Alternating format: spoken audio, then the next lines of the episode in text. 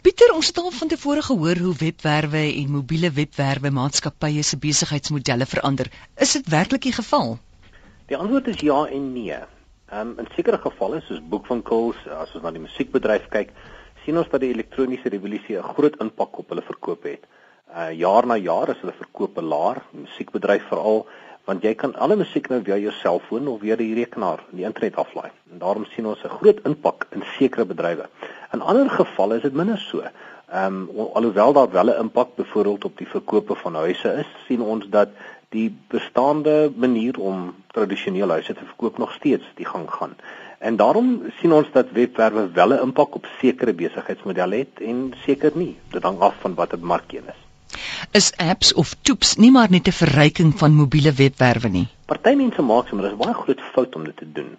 Um 'n toep is ingebou binne in die bedryfstelsel van die um of dis eintlik die verkeerde beskrywing, maar 'n toep is baie naby aan die foon. Jy 'n toep kan byvoorbeeld die kamera van 'n foon gebruik en die GPS om die ligging te bepaal. En dit is baie belangrike elemente want dit stel die foon in staat om die omgewing waarin jy is te verryk wat jy dan nie met 'n mobiele webwerf kan regkry nie. Daarom is 'n toep heeltemal anders as 'n mobiele webwerf omdat jy al hierdie ryk elemente van 'n foon kan gebruik om 'n nuwe manier van dinge doen na vore te bring. En dis hoekom mense met slimfone presies weet dat as jy toep afgelaai, jy wonderlike dinge kan regkry. Jy kan jou stem opneem, jy kan dit vertaal, jy kan uh video's opneem, daarmee speel. Dit kan jy nie eintlik doen met 'n mobiele webwerf nie. En daarom is toep 'n baie baie sterk platform om besigheidsmodelle in die toekoms te verander. Hoe gaan groot kruideniershandelaars, kruidenierhandelaars byvoorbeeld geraak word deur die toep revolusie? Kom ons vat 'n praktiese voorbeeld. Sê maar ek wil my foon gebruik om my inkopieslys saam te stel. Al wat ek doen is ek gebruik my foon, skakel die toep aan en dan neem ek net die streepies kode af van al die produkte wat ek wil vervang. En outomaties gaan my foon outomaties weet al hierdie ehm um, produkte kan onthou. Ek kan byvoorbeeld dan in die winkel instap en um, 'n hoender afneem. En dan sê ek maar ek is nou lus vir hoendergereg. Mm. Geef vir my 'n paar resepte en sê wat ander mense dink van hierdie resepte. En as jy van die resep hou, dan gee jy 'n sterretjie van 1 tot 5 Maar nou kry jy op jou foon 'n hele paar ander resepte en jy sê maar gee my net ander by bestanddele wat ek nodig het om die resep te maak. En ewe skielik het jy dan 5 of 6 addisionele dinge wat jy in jou mandjie inlaai om dan hierdie resep te maak wat jy in die winkel gekry het. Jy kan ook as jy met jou kaart vergeet van die winkel waar jy is, dan kan jy jou foon gebruik om aan te dui wie jy is. En jy kan ook die kupons wat jy kry in die winkel op jou foon in die hande kry. Dan daarvoor gebruik om om inkopies te doen. Ehm um, jy kan die uitleg van die winkel bestudeer vanaf jou foon af en sê waar is hierdie spesifieke produk en dan kry jy taamlike ligging sê maar aan die linkerkant agter in ry 3 waar jy hierdie produk kan kry. En dit kan jy eintlik net op 'n toep reg kry. En dit beteken ook dat 'n toep 'n groot impak kan hê op die gemak waarmee jy inkopies doen ehm um, en om jou lewe so makliker te maak.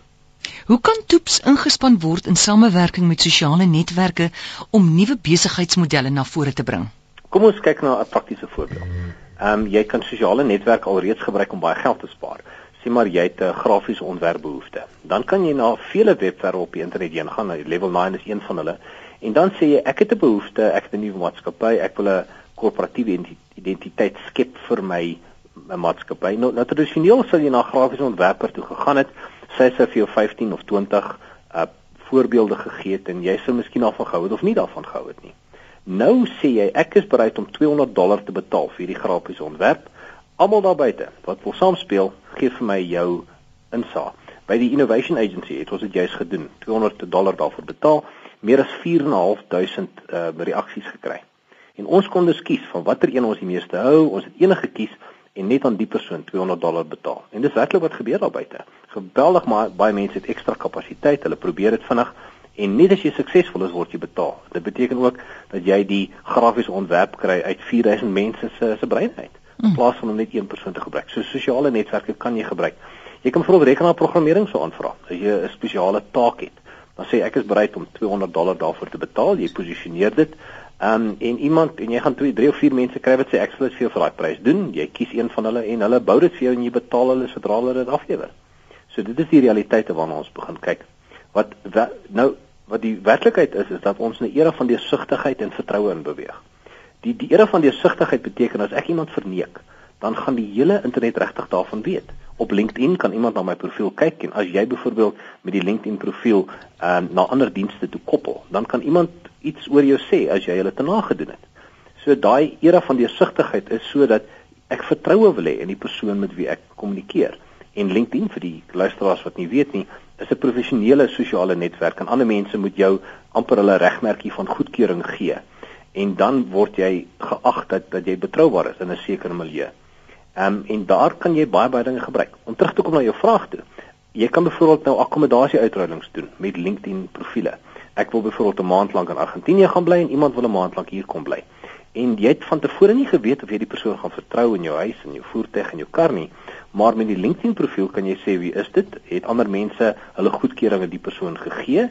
Jy sal byvoorbeeld eenmalig doen en as hierdie persoon iets sleg doen aan jou eiendom of aan jou kar, dan gaan jy die hele wêreld daarvan vertel en hierdie persoon sal nooit in sy lewe weer aan hierdie akkommodasie uitruiling kan ehm um, kan behoort nie. En daarom sien ons dat hierdie nuwe era ehm um, hele nuwe opsie oopmaak uh, wat die wêreld eintlik kleiner en makliker maak. Heng dis eintlik wonderlik, né? Hoe kan huisverkope se bestaande besigheidsmodel deur toeps omvergewerp word? Kom ons kyk na 'n voorbeeld. Ek stap in 'n area rond en ek hou van 'n huis waarna ek kyk. Dan kan ek op 'n toep ingaan Nou eh, hierdie hierdie produk bestaan nog nie, ek noem dit as 'n voorbeeld. Uh internasionaal kyk hulle al reeds na hierdie tipe produkte. Ek kan in 'n area wees en sê ek hou van daai huis en dan sê ek vir my foon, "Waar is ek nou?" En dan kyk ek na die sentrale register van die geregistreerde waardasie van die eiendom. Ek sê dan, "O, dis dis uh, wat die persoon betaal het." Ek is sê maar byvoorbeeld bereid om 4 miljoen vir die eiendom te betaal. Ek kan dan 'n offer maak direk aan die persoon en sê, "Ek stel belang om hierdie eiendom weer te koop vir 4 miljoen. Stel jy belang om te verkoop?" Nou dis 'n persoon wat byvoorbeeld glad nie belang gestel het om te verkoop nie, maar omdat iemand hom nou kontak, sê hy wel, dis nie 'n slegte idee nie. Kom ons praat verder. Vanaf my toep stuur ek dan 'n boodskap na al die verbandprokureurs en banke in die omgewing en ek sê vir hulle, ek stel belang om hierdie eiendom te koop. Kom julle terug na my toe met die laagste tarief. Uh en ook natuurlik julle julle uh, telling wat julle kry by die mense wat julle alreeds besigheid gedoen het. En dan sal ek besluit wie van julle gebruik ek om my verband vir my te registreer en watter bank ek gaan gebruik om 'n lening by uit te neem. So jy word die sentrale punt van alles. Die ou besigheidsmodel, uh mense weet hoe dit werk in die huismark. Nou draai die hele besigheidsmodel om en jy staan in beheer van sake en jy sê vir ander mense, kom terug na my toe, ek sal die een vat vir die beste prys vir my gee. En wat ons werklik te sien is dat toeps mobiele kommunikasie, die internet, die individu in 'n posisie van mag plaas.